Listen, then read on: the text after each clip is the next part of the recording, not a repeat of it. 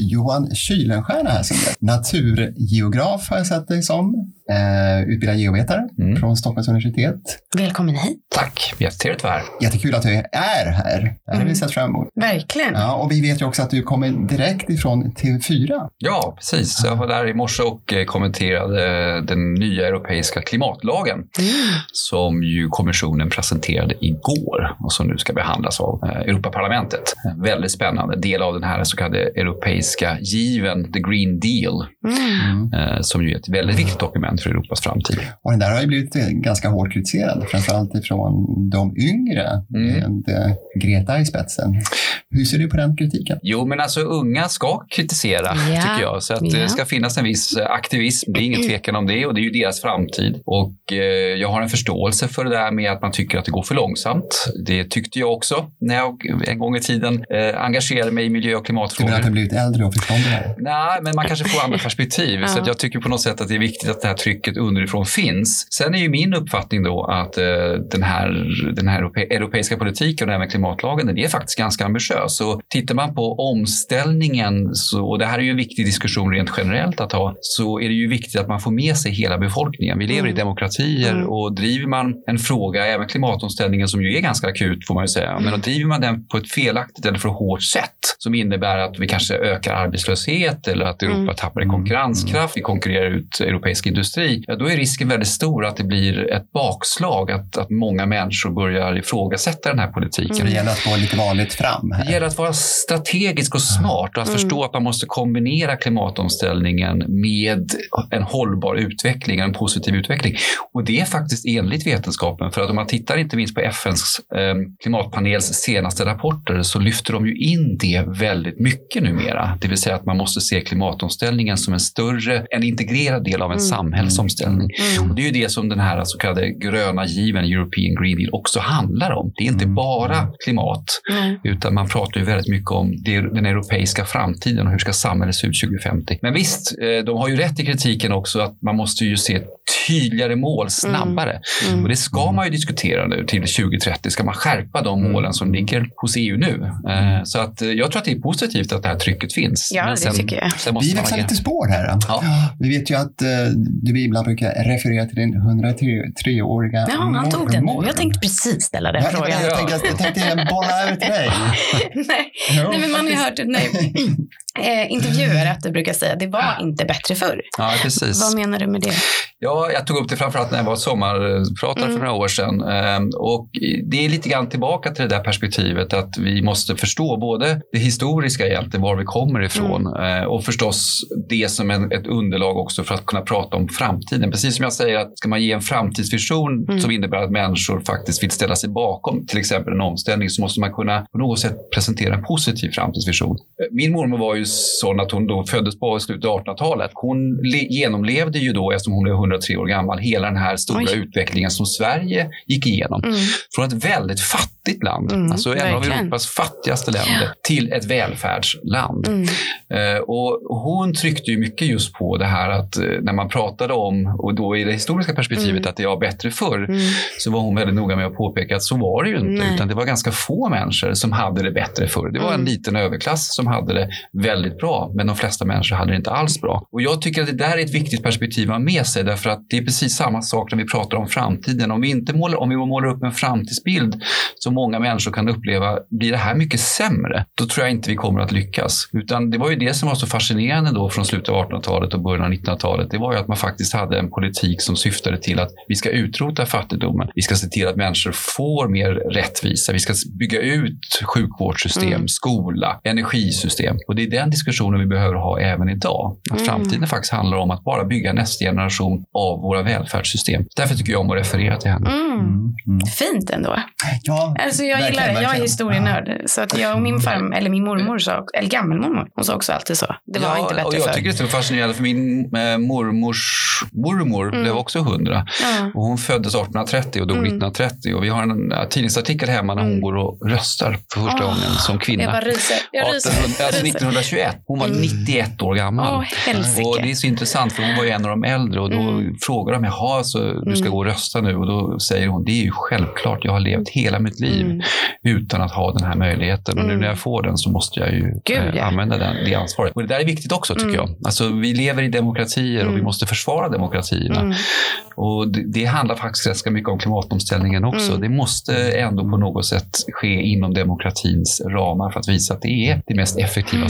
Statsskicket. Att människor har en möjlighet att Mm. påverka sin egen eh, framtid. Ja, 1921 röstade hon och tänk att det skulle ta fyra år till innan kvinnor fick komma in i akademin.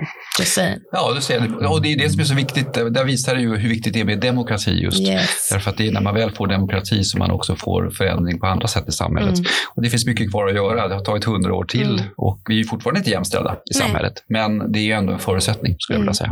Eh, Jo, jag vet ju också att du har varit väldigt engagerad när det gäller, Eh, jag tänker för sommaren för två år sedan, 2018, med de här eh, extrema, Mm. härliga, heta somrarna. Vissa tyckte de var jättehärliga, andra inte. Och jag vet ju att du var ganska aktiv där i debatten. Det var inte så att du var handgripligen kanske ute och släckte bränder, men eh, Nej. du uttalar dig.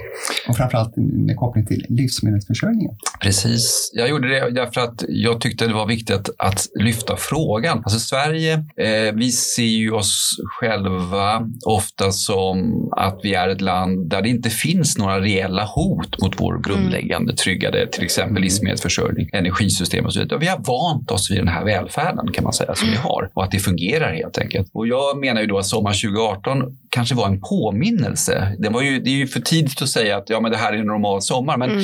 trots allt med de prognoser som vi gör, som SMHI gör, som den globala eh, FNs klimatpanel gör, så finns det ju ändå en eh, risk för att det här kan vara ganska normalt om 50 till ja, 60-70 år. Och då är ju liksom frågan hur, hur väl förberedda är vi för den här typen av situation? Och hade en sån här sommar då pågått i två, tre år, eh, alltså vi hade fått den återigen, hur hade det påverkat svensk livsmedelsproduktion och svensk Mm. livsmedelsförsörjning? Så att vad jag ville åstadkomma, det var ju egentligen två debatter kan man säga. Dels hur vi utformar vår egen produktion i Sverige. Alltså vad är egentligen utmaningarna för framtidens jordbruk?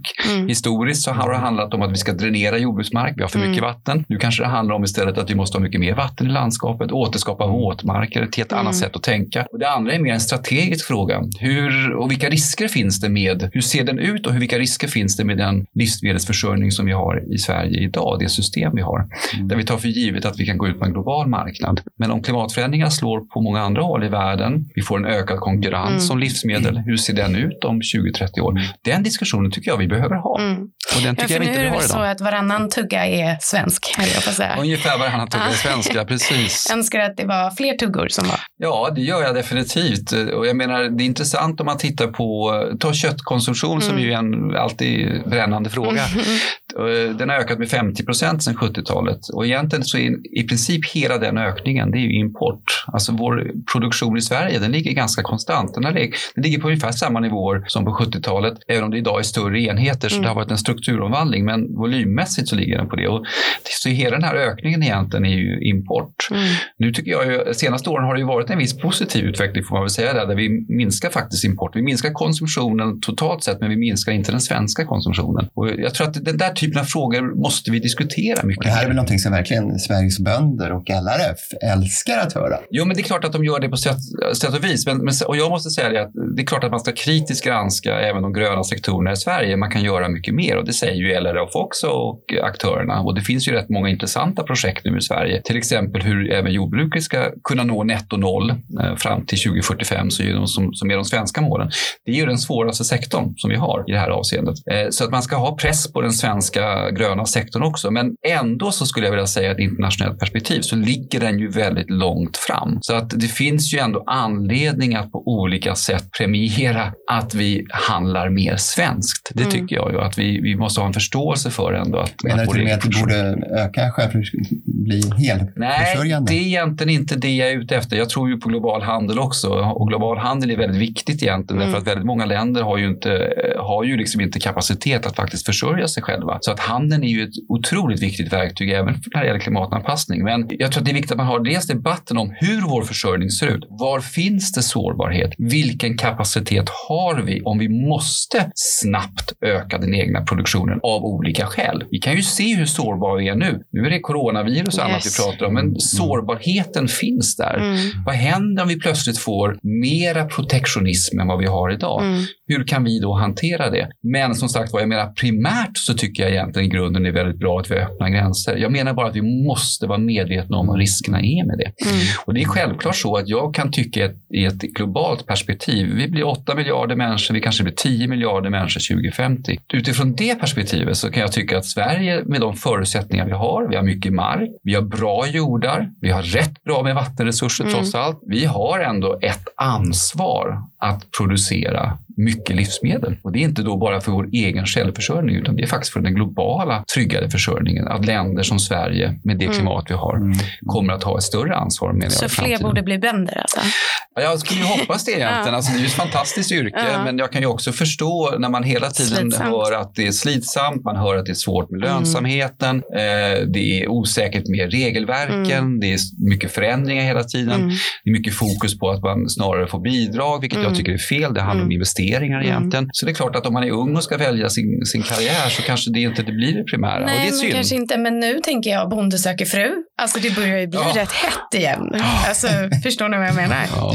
Det är ett av mina skämsprogram. Jag brukar följa det. Skämsprogram? Det är ja, ja, men lite som sådär. Det är liksom ingenting man skryter om att jag har kollat på Bonde Nej, men nu har du sagt det där ute. Så. Har? Ja. Kollar du på det? Jag har aldrig sett det faktiskt. Ehm, men nej, men jag, alltså, jag tycker i och för sig att det är rätt kul att man gör den här typen mm. av program. Att man lyfter andra perspektiv i samhället Precis. helt enkelt. Och andra yrkesgrupper. Men, men det är faktiskt en stor oro och det är inte bara i Sverige. Därför att mm. tittar man på medelåldern eh, när det gäller jordbruket globalt mm. sett så är det snabbt stigande. Det är precis lika svårt i många utvecklingsländer mm. att få människor att vilja, ännu svårare kanske därför att man ser framför sig att människor som lever i fattigdom, små, småskaligt jordbruk, väldigt ineffektivt, de flyttar till städerna istället. Mm.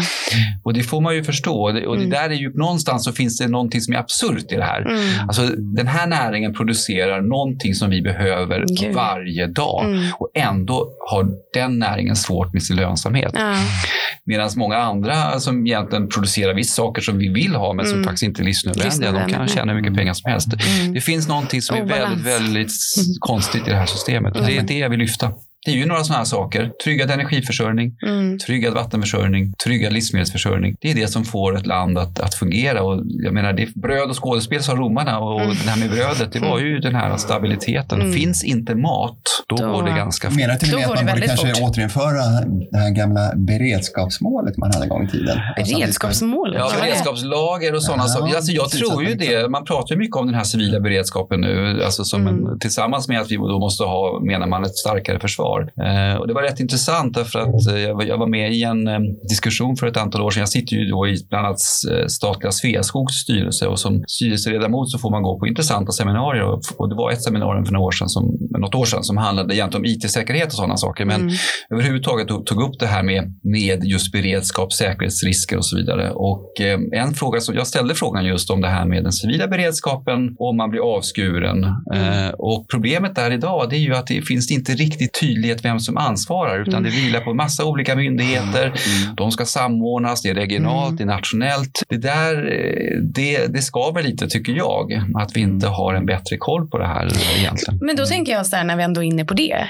Har ni ett liksom, alltså, emergency kit hemma mm. som de ändå har kommit ut med att man borde ha? Min svåger har mat för 30 dagar, 40. Ja. Har ni det hemma? Alltså jag har, eh, faktum är att just i den här eh, nu, nuvarande situationen då, mm. så, så har vi köpt på oss lite mera torrvaror och annat. Tänker corona? Ja, mm. Just därför att kunna ha några veckor. Mm. Eh, du ser Palle, jag sa ju det. Ja, och det, och det är ju mera därför att eh, om, om det verkligen blir så att mm. väldigt många blir sjuka, det är inte så att mm. jag egentligen blir rädd för att vi inte har kanske försörjning i våra butiker.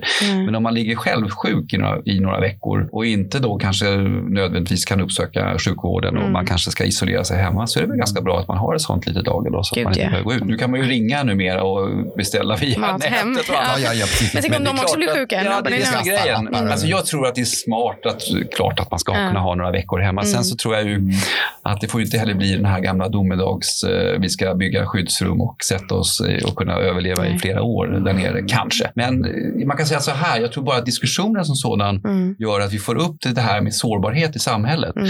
Och det är väl inte helt fel. Nej. Det handlar inte bara om dig som individ, utan det kanske gör att också diskussionen om samhällets sårbarhet Mm. ändå kommer upp. Och jag tycker skogsbränderna 2018, det var intressant. Vi fick låna in kapacitet från södra Europa. Det här, så här tycker jag ju Europa ska fungera. Ja, jag menar att varje land ska inte ha flygplan utan ska samarbeta. Men jag läste å andra sidan nu att Sverige sa nej till att skicka munskydd till eh, Italien, eller Ja, sådana här andningsskydd Va?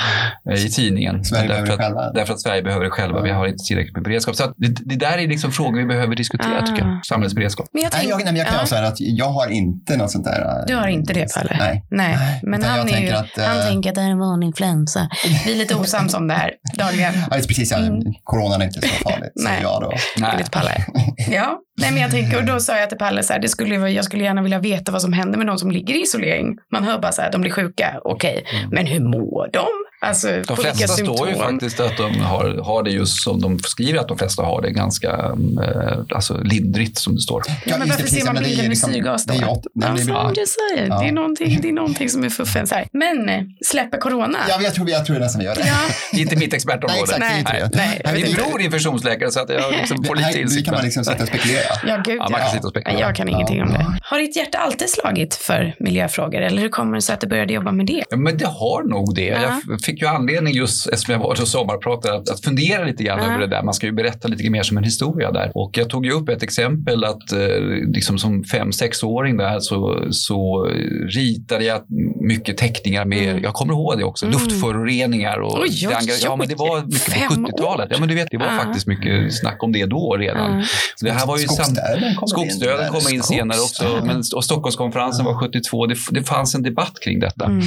Eh, så att, och jag kommer ihåg att jag som barn gick ut och plockade skräp. Och Jag tyckte inte om skräp. Jag är likadan fortfarande. Alltså Mm. Jag avskyr att Du Stockholm har blivit så skräpigt. Mm. Alltså jag tycker det är verkligen det stör mig något Mm. kolossalt när man går nu in i stan. Eh, och att det, inte, alltså att det är så mycket skräp överallt. Mm. Det är helt otroligt. är Ja, men det är faktiskt bättre kan jag tycka numera än vad det var om man går tillbaka några årtionden. Men, men inne i stan tycker jag att det är förfärligt att man faktiskt inte har en bättre Mm. renhållning. Så att det där engagemanget har funnits sedan jag var barn. Ehm, och eh, när jag gick i gymnasiet så då, eh, liksom jag var med i Greenpeace och jag var Mhm. tidigt med i Naturskyddsföreningen. Oj, och, ja, men gymnasiet? sådär. ja, men det var, jo, men jag var väldigt engagerad. Ja.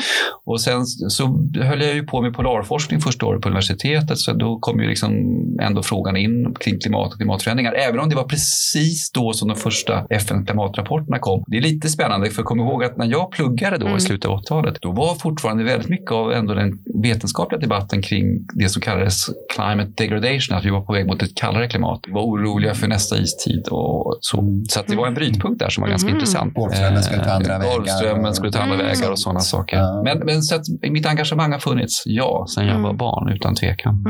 Mm. Gud vad härligt. Alltså det är inte många man hör så här, ja men jag ritade fem år satt och lit- ritade luftföroreningar och sen i gymnasiet bara Greenpeace, nu blir jag aktivist. I, I gymnasiet satt jag med guran och sjöng liksom. Det var inte Nej, men kvinnors det, rätt det kanske var fanns så där att jag, någonstans. nej, men jag var rätt engagerad. Jag var lite, Ja. Då var jag faktiskt lite politiskt engagerad också under Mm. gymnasiet. Eh, Och det kan ju tyckas lite konstigt för det var ju att i moderat skolungdom. Och jag har, nu är jag inte politiskt engagerad längre men jag tyckte redan då att det, fann, att det var absurt att det skulle finnas egentligen någon sorts, eh, om man säger ideologisk eller politisk Mm. orsak till att man inte skulle vara väldigt engagerad i miljöfrågor. Utan för mig har alltid miljöfrågan Mm. varit någonting som är, står över det politiska käbblet. Man Mm. måste kunna komma överens Mm. i politiken om hur man ska hantera de stora Det utmaningarna. var lite för din tid kan man säga. Kanske då på det Ja. sättet i alla fall. Och, och det, det tycker jag ju sen har varit väldigt spännande för det är ju lite grann åt det hållet vi har rört oss. Mm. Klimatpolitiska ramverket står sju av åtta partier bakom. Mm. Samtidigt är det det som jag är mest orolig för idag. Det är ju att vi ser en ökad, kanske politisk polarisering i de här frågorna igen, vilket jag tror är väldigt olyckligt. För att Mm. det här är ju frågor som borde kunna förena alla. Det handlar om vår framtid. Sen finns det olika verktyg för att, hur man ska nå dit. Mm, precis. Men egentligen den gemensamma visionen borde kunna finnas. Tänkte vi köra något som vi kallar för tre snabba. Och tre antingen eller. Oj då, så Ja. du menar att jag måste svara snabbt också? Alltså? Precis. Ja. Ja, bara en sån här spontan reaktion. Okej. Ja, Jag då- försöker. Jag kör igång. Ja. Flygskam. Nej. Skinnjacka. Nej. Loppis. Ja, Någon kommentar på det? på det sista? Ja. Nej, men jag tycker att alltså det här med att eh, vi får en ökad, ett ökad cirkularitet i hela ekonomin, det tror jag verkligen på. Jag tror att det är jätteviktigt att vi kommer bort från slit och släng-samhälle. Eh, och eh, jag menar second hand, eller att man, att man säljer det man inte behöver och kan köpa sånt som någon annan redan har använt, eh, men som fortfarande är i, i bra skick. Det tycker jag egentligen i grunden är en självklarhet. Eh, jag menar, det är inte något nytt. Antikhandlare har funnits Ja, länge. herregud. Så att det här är egentligen bara att man, man Tv-program på tv till och med. Ja, gud, men det är man bästa breddar programmet perspektivet. Nej, men jag älskar också Ja. antikrund. Det tittar Ja. jag på kan jag säga. Herregud. Det Utan att, utan att skämmas. Utan att skämmas. Det ska man inte skämmas alltså, alltså på något sätt, jag tycker hur vi, hur vi hanterar våra naturresurser och vår konsumtion, det är nästan det mest absurda Mm. i, i det moderna samhället. kanske kommer hit då när vi ska ha vår klädbytardag. Ja, det skulle jag mycket väl kunna göra. Nu är jag sån Jag är att lite jag, sugen på din skjorta faktiskt. ja, Du är sugen så här, på min tröja. Grejen är det, så här är det för mig ändå. Jag använder faktiskt kläder till de i princip liksom Samma här. faller Mm. isär. För att du tröttnar på dem. Att de går sönder. Ja, tröttnar de på går oss. sönder. Och ibland går de sönder. Ja. Men jag reparerar mycket mer kläder också idag. Alltså jag Mm. lämnar in mycket mera, eller nästan allt som jag tycker Mm. går att reparera lämnar jag faktiskt in för reparation. Och Mm. Det här är ju typexempel på varför du kan ha tillväxt utan att du behöver vara ökad resursanvändning. Därför Mm. att om du har ett, ett samhälle där man reparerar så skapar det faktiskt tillväxt. Det skapar ju att människor, du behöver tjänsterna och sånt. Ja, här. precis. Så att jag tycker liksom hela den här tanken som har kommit, och det är inte minst de unga Mm. måste jag säga, som verkligen ifrågasätter konsumtionssamhället, hur man kan leva mycket mer enkelt igen. Jag tror Mm. att det, det är Mm. fantastiskt bra. Där har jag ju mycket att göra. Jag, min generation, vi har ju varit storkonsumenter, det är Mm. ingen tvekan. Och det innebär då att du inte känner någon köttskam.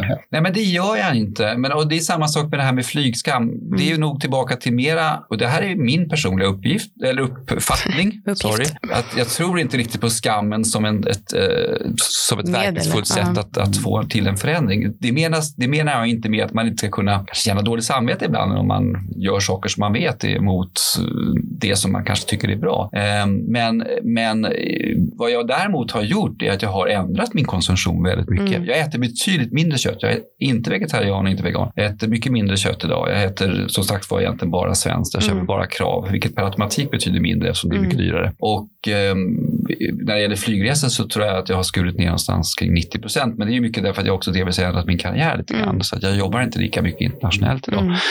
Men visst tycker jag att man ska tänka efter och det är klart att eh, kunna liksom, flyga till eh, Thailand en gång om året är Mm. ingen mänsklig rättighet. Man kanske inte behöver flyga till Gotland eller till Malmö, eller Nej, det Göteborg. behöver man inte heller göra egentligen. Va? Eh, samtidigt Vi hade en så, sån diskussion. Nej, men det, så är det ju. Det finns, men, det, men, men alltså på något sätt så, jag är ju väldigt försiktig med det här med pekfing, eh, pekfingrar, och, men man ska ju fråga sig själv hela tiden. Är, det- vad, vad, vad fattar jag för beslut? Ja, men jag gillar det du säger, att man, eh, ja, men man ska gå till sig själv och vara, liksom, fråga sin egen värdegrund någonstans. Men också att inte pekping, alltså, pekfingret.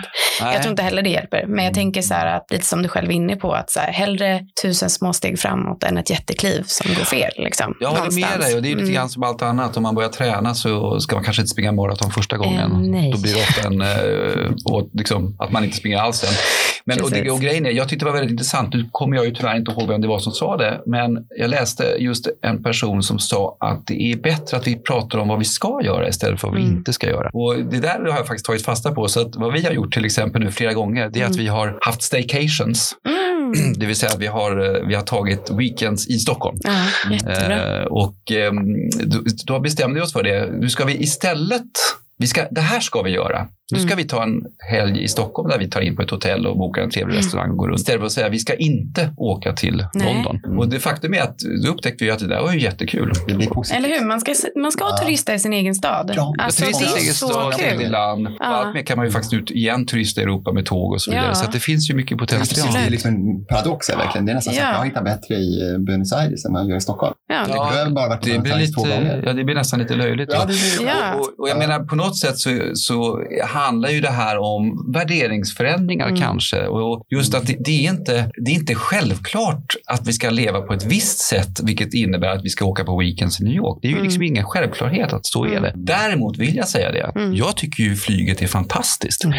Alltså det har ju gett mig, människor en otrolig möjlighet att se Ja. världen. Absolut. Att lära sig andra kulturer, att få andra Mm. intryck. Gud, och det behöver väldigt många. Det och det behöver vi. Och det här är ju Ja. väldigt nytt. Ja. Alltså egentligen, Ja. återigen, jag menar, det är ju faktiskt bara de senaste 20-30 åren. Ja. Jag flög ju för första gången när jag var 17.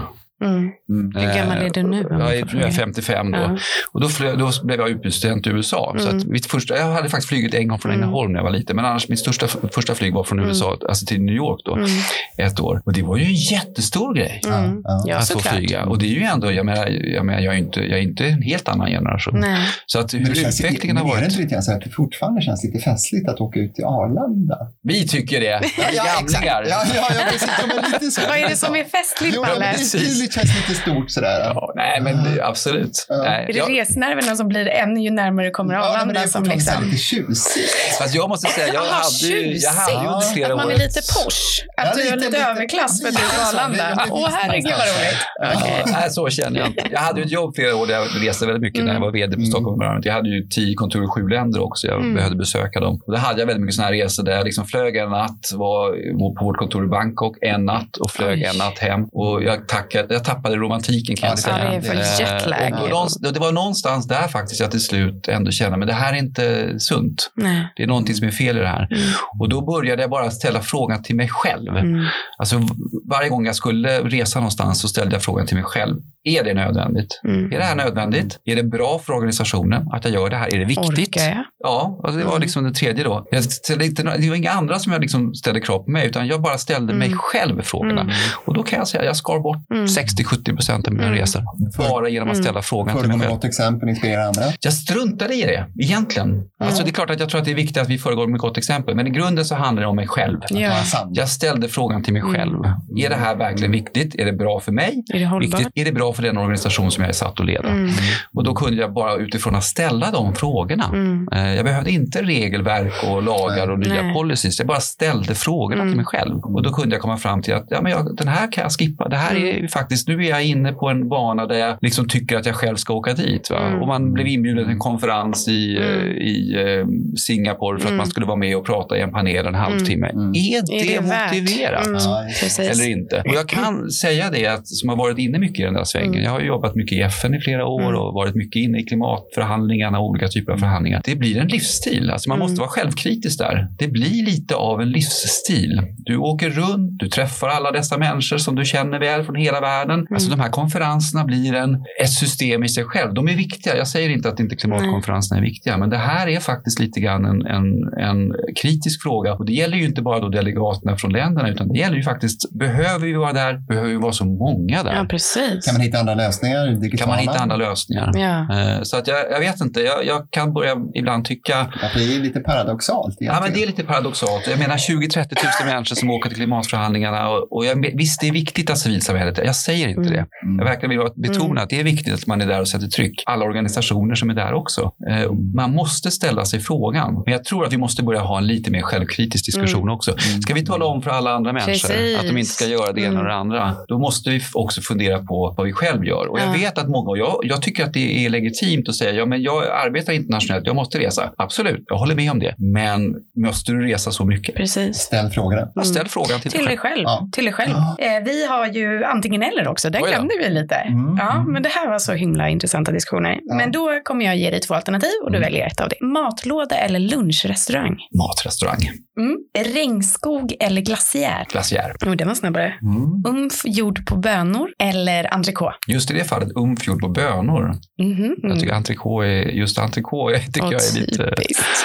Tuff. Ja. Men eh, har du ätit umf? Ja, jag har ätit umf. Ja, Jag tycker du tycker om umf? ja, jag tycker umf är... Ja, Alltså Gott. det är Jag tycker liksom... det. Mm. Mm. Jag är ju så här, jag är ju allätare. Alltså jag tycker Mm. ju om mat helt enkelt. Mm. Och jag tycker ju om vällagad mat. Så att egentligen så tycker inte jag det ena eller andra, utan det ska vara vällagad. Det är den, det är den jag väljer. Det är den du väljer. Så du hamnar lite grann mittemellan här också. Jag är sån ju. Jag är ju sådär Vilket ben ska jag stå på? Ja, men Har jag du frågat dig ju- själv verkligen nu innan du svarar? Ja, det är svårt det där. Men Ja. jag gillar ju att vara brygga. Jag Ja, gillar ju ja, ja. att försöka jobba mellan Mm. att få ihop olika perspektiv. Så Mm. det kanske är det som... eh, Det är det. Jag tänkte faktiskt att vi växlar lite spår här Mm. igen. Du var ju chef och vd för eh, Stockholm Environment Institute, Mm. heter det va? Mm. Under en, ganska många år. Jag var, vd, jag var först eh, Stock, centerchef som det hette i Stockholm då när Johan Rockström fortfarande var vd och sen när han då slutade, det är åtta år max man kan vara vd på SI, så blev jag vd och sen sa jag upp mig efter, nej, ungefär efter sex år och det berodde på att vi skulle, man skulle gå in i en ny strategifas och i, i princip skulle min sista uppgift bli att ta fram en ny strategi och sen lämna och då Mhm. tyckte jag att som, eh, som vd ska man inte göra det. Hur var du som chef?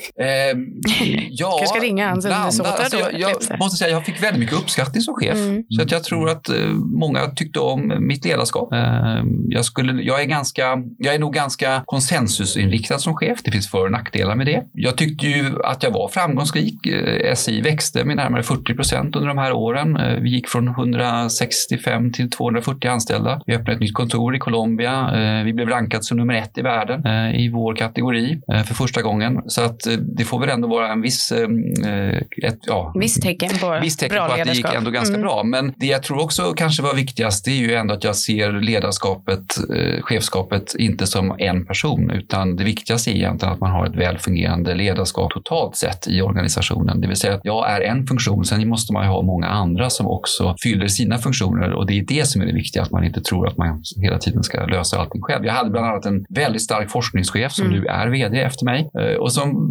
jag i princip delegerade till stora delar ansvaret för att leda hela SIs forskningsutveckling och det arbetet strategiskt. Eh, Så att på det sättet, och det tycker jag väl också kanske för mig i alla fall är en viktig egenskap som chef, att verkligen kunna delegera Mm. och inte då heller och våga släppa.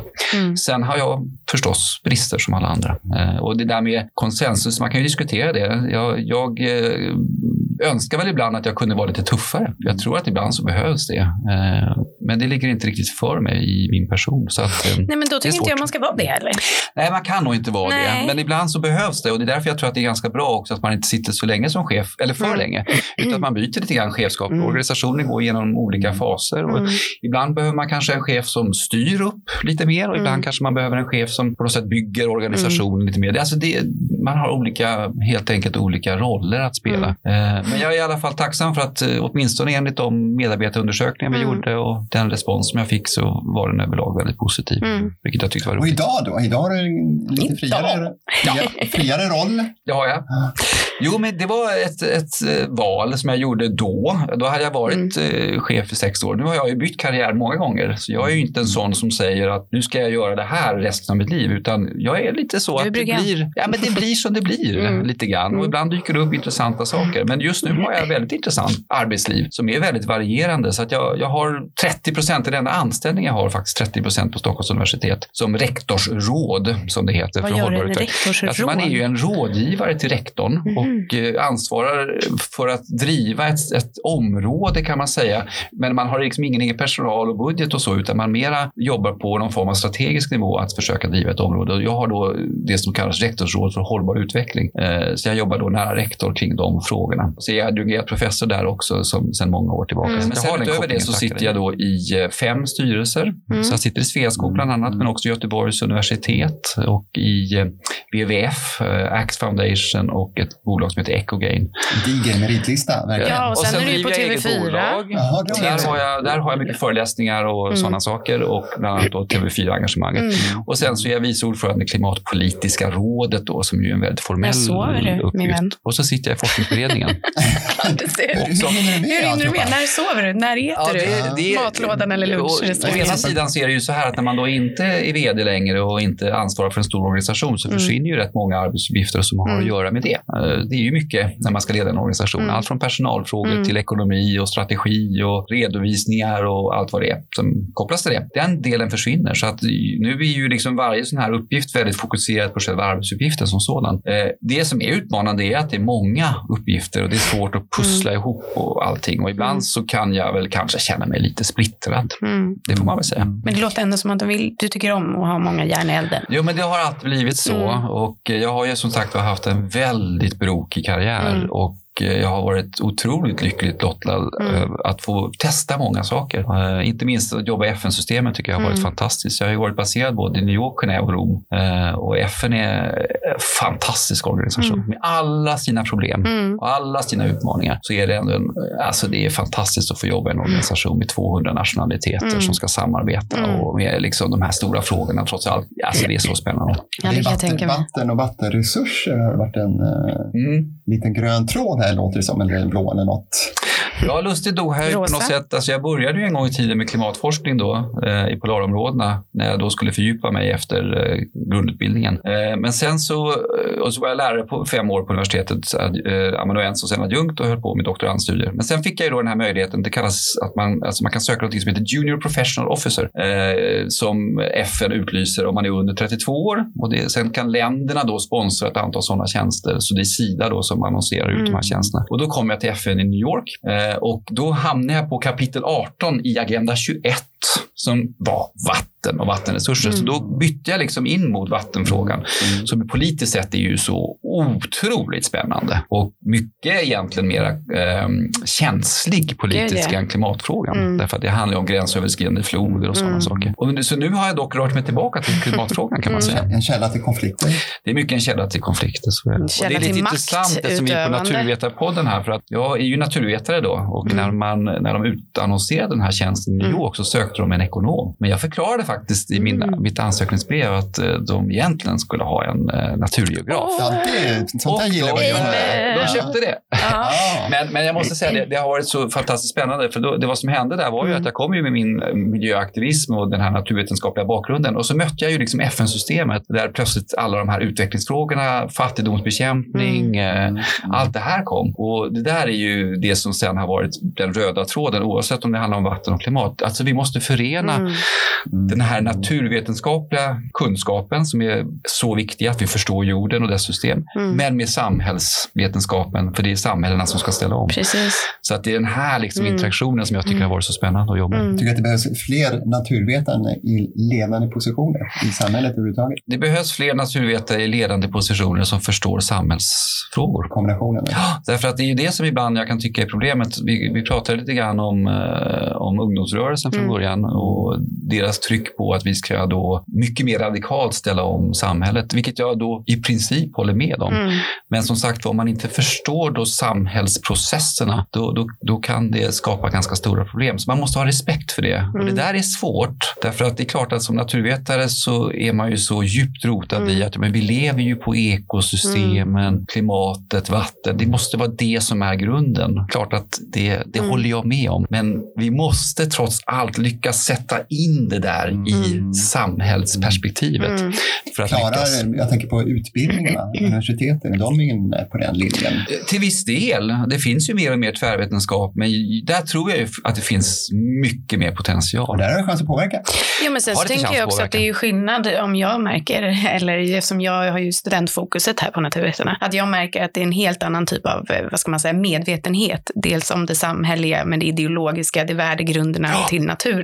Så att jag, Jag håller med dig. jag har en, Och jag, en förhoppning. Ja, men jag har det. Och och Mm. det intressanta är att den drivs också delvis underifrån. Jag, Mm. För ett tag sedan här så blev jag inbjuden av studenterna på Handelshögskolan att komma Mm. och föreläsa. Och jag, menar, jag vet ju att jag var på Handelshögskolan för tio år sedan och då fanns liksom inte klimat och miljöfrågor nästan på Nej. agendan. Och nu är det ju för det första integrerat i, i all utbildning på Handels.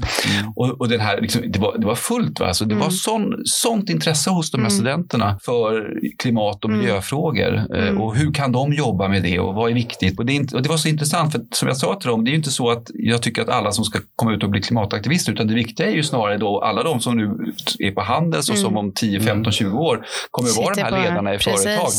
Men då har de med sig det här i sitt huvud. Någonstans. Och det där är Mm. den största förändringen som jag har sett i samhället. Och det är därför som jag är så mycket mer optimistisk idag än vad jag Mm. någonsin har varit när det Mm. gäller klimatfrågan. Jag är ju mycket mer optimistisk än vad jag var för tio år sedan. Det kan ju låta konstigt, men det är därför att det som har hänt är att den mentala förändringen i samhället har förändrats och det är då du kan få Mm. till förändring på riktigt. Tidigare handlade det ju bara om att ja, men tekniska lösningar och så ska politiken bestämma. Men nu är ju kraften underifrån. Mm. Tänk liksom i Sverige där alla branscher har tagit fram färdplaner där de säger att vi ska ställa oss bakom klimatmålen och vara netto noll 2045. Mm. Och då är ju liksom stålindustrin och det är Mm. Så lastbilstillverkarna. så Absolut, det händer jättemycket positivt. Å andra sidan, jag träffade en kompis med mig igår. Han jobbar på ett eh, större företag och han, han var nämligen eh, ansvarig för eh, hållbarhet. Och han sa ju det att han var lite, lite besviken för att det, det handlar mycket om yta. Det ska liksom se bra ut, men sen i själva verket så gör man inte så mycket. Du, men, han pratar om sitt företag. Han pratar om sitt företag. Mm. Precis. Nej, men det finns både och, Ja. utan tvekan. Och det är stora skillnader i världen också. Mm. Alltså, men, men fortfarande så skulle jag ju hävda att om du gick tillbaka tio år sedan så var det bara så. Eh, nästan. Det var mycket yta. Man Mm. liksom skulle göra en hållbarhetsredovisning och, och, och det fanns några få företag som var, låg i framkant och försökte driva det här. Idag är det en helt annan kraft. Och det, det som är intressant är att kraften beror mycket mer på idag och det är det som är så viktigt. Det beror på affärsstrategiska eh, bedömningar. Inte att vi ska rädda klimatet.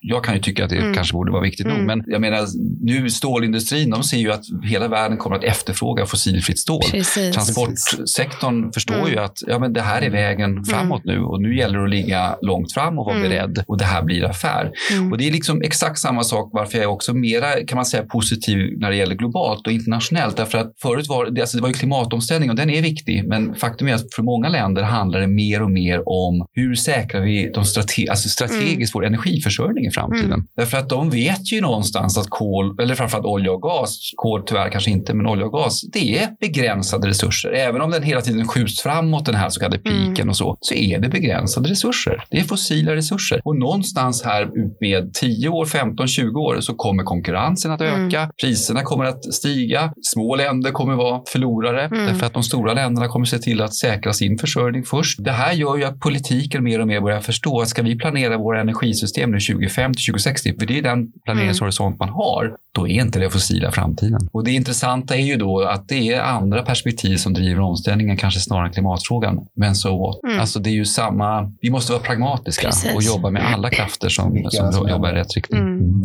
Och jag känner så här, det där var ett väldigt bra avslut. Faktiskt. Du, Palle, du får inte ställa en till fråga nu. Han vill alltid ställa en jag annan fråga. När jag försöker avsluta sådär. så vill han alltid ställa en jo, fråga. Faktiskt, jag har en fråga som är ganska intressant. Och det tycker jag, när man läser om dig på, jag tror på SU, Stockholms universitet, ja, så har du världens längsta titel. Ja, har det blivit så? Jag har inte Ja, sett ja. det nu på ett tag. vi försökte läsa den igår. Precis, LIS i paleo, paleoklimatologi Mm. med inriktning på halocen. Holocena. Holocena. Holocena, precis. Man snubblar till och med på orden där. Klimatvariabilitet Mm. i polarområdena. Mm.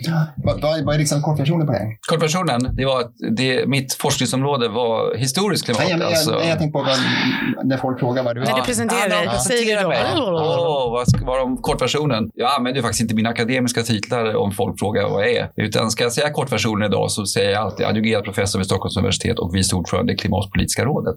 Det var väl kort. Ja, verkligen. Men alltså, det här är Ja, ja, ja, naturvetenskapernas... Jämförelse. Ja. Jag är däremot noga med en sak, för att de vill oftare, framförallt media, skriva att jag är klimatforskare. Det är jag inte. Jag är väldigt noga med det. Jag är inte forskare. Forskare är någonting väldigt specifikt. Jag har inte hållit på aktiv i forskning sedan 1996 egentligen. Jag har skrivit mycket artiklar. Utan ska jag då, klimatexpert kan jag använda, det är ju ett väldigt vagt begrepp vad det innebär. Men jag är ganska noga där för att jag har väldigt stor respekt för forskningens integritet. Mm. Eh, Och eh, är man inte forskare så ska man inte kalla sig forskare. Så där är jag noga vad jag inte är. Nej, jag håller med dig, Nikita. Det är dags att... Ja, men jag tycker väl det. Får jag göra det nu, Palle? Nej, vi vill tacka dig så himla mycket att du ville vara här.